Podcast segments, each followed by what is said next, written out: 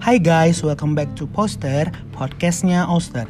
Di episode 4 kali ini bersama aku Abi dan Aku Devita, yeay. Nah, jadi topik untuk hari ini bakalan membahas seputar uh, self-diagnose atau diagnosa diri sendiri.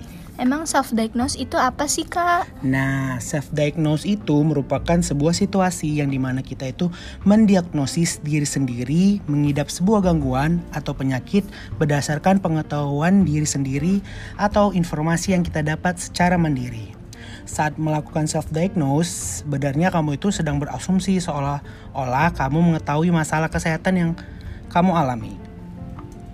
Oke, tapi kalian juga harus hati-hati guys karena self diagnosis bisa bersifat berbahaya karena akhirnya dapat memicu timbulnya kondisi kesehatan mental yang cukup fatal.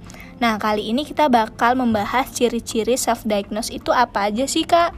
Nah, yang pertama itu panik. Self-diagnose ini dapat memberikan rasa panik terhadap seseorang yang next dapat menyebabkan stres atau orang tersebut bisa mendiagnosa diri dia mengalami kepanikan yang seharusnya tidak terjadi.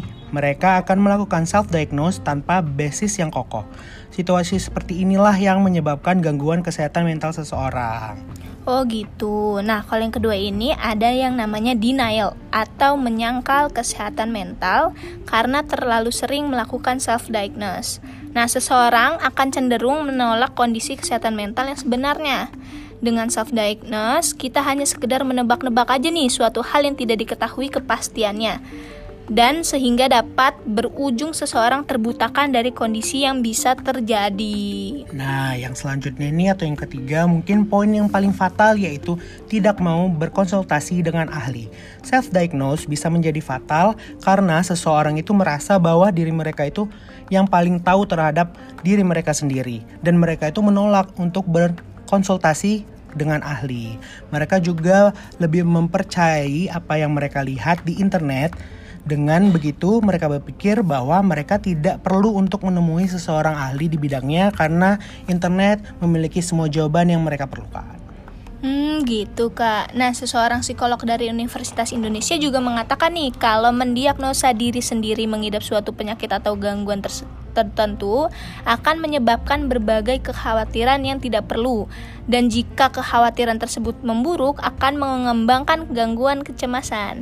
Dengan menambah, selain itu tuh mendiagnosa diri sendiri juga akan membuat seseorang tidak mendapatkan penanganan yang tepat. Hmm. Bahkan ada banyak masalah lain yang sangat mungkin menjadi lebih serius karena terdiagnosis self diagnose. Nah, terla karena self diagnosis-nya dia ini terlalu fokus pada penyakit atau gangguan yang belum tentu diderita. Oh, gitu. Oke. Nah, para listener, mungkin segini aja kali ya pembahasan kita di episode 4 mengenai self diagnosis ini. Buat teman-teman yang pernah melakukan self diagnose, mulai dari sekarang harus berhati-hati ya. Ya nih, jangan sembarang self diagnose diri sendiri ya, teman-teman. Stay, stay healthy and stay safe. Saya Abi dan saya Devita. See, See you in the next episode. episode. Bye bye. Bye bye.